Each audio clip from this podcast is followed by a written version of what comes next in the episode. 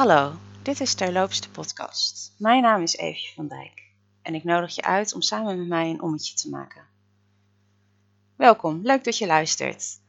Het is alweer dag 4 van de adventkalender en Sinter Eefje zat te denken wat ze haar podcastluisteraars vandaag eens zou schenken. Mm, het is weer de tijd van surprises. Kinderen lopen over straat met de meest briljante knutsels of minder briljante knutsels. Want hey, niet iedereen uh, is gezegend met een stel handige, uh, handige handjes. En dat is ook helemaal niet erg. En dan mogen we altijd nog dichten. Maar het is wel een heel leuk, specifiek, bijna Nederlands gebruik.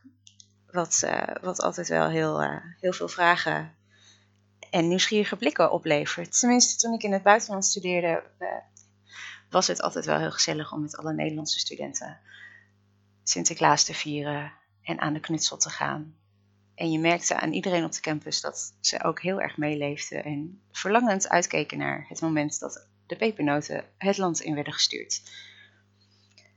Voor jullie vandaag nu een uh, heel kort stukje. Ik bedacht, waar komt die surprise eigenlijk vandaan? En ik heb niet heel uitgebreid research gedaan, moet ik eerlijk bekennen. Maar het zou kunnen dat het uit de 16e eeuw komt. Uh, dat er een, een, feest was dat schoen heette in Spanje, Zapato. En dat uh, mensen uit de iets betere kringen natuurlijk elkaar verrasten met een kleinigheidje. Een sieraad die in een citroen of zo werd gestoken. En dat weer werd verstopt in een schoen. Of juist, dat, dat is ook nog een theorie. Volgens mijn uh, geweldige zoektocht op internet. Dat het meer komt vanuit de dankoffers die aan Wodan werden geschonken en dat de boer die als laatste zijn oogstad binnen gereden een plaagrijmpje kreeg met een nep cadeautje. Waar het ook vandaan komt. Ik vind het eigenlijk ook wel heel knus dat we in Nederland dit uh, gezamenlijke project oppakken en ineens heel kneuterig gaan doen. Maar eerlijk gezegd, ik ben ook niet een van de mensen die